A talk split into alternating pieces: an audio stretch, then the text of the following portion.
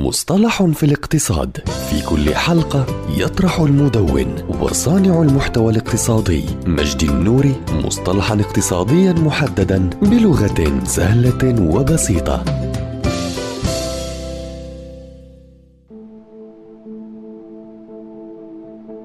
إعادة جدولة القروض هو تمديد أو إضافة وقت إضافي إلى فترة القرض الأصلية مما يؤدي إلى مراجعة مبلغ القسط الشهري حتى يتمكن المقترض من دفع مبلغ أقل. كل شهر ويمكن أن يساعد هذا المصطلح المقترض على شراء بعض الوقت لتعديل خطة السداد وأيضا عدم التخلف عن سداد قروضه. ولكن قد يؤدي هذا إلى دفع المقترض المزيد من الفوائد حيث سيضطر إلى خدمة القرض لفترة أطول. ومن ناحية أخرى تعني إعادة هيكلة القروض تغيير نوع أو هيكل القرض الحالي لمساعدة المقترض على تحسين التدفق النقدي الحالي، كما أن إعادة الجدولة تساعد البنوك في تحسين مرونة البنك عن طريق تقليل محافظ تسهيلات الأصول المتعثرة حينما يتم مساعدة المقترض وتجنيبه التخلف عن سداد القرض. وإعادة جدولة القروض قد تحمل أيضا تكاليف إدارية وقانونية إضافية بالإضافة إلى رسوم الفائدة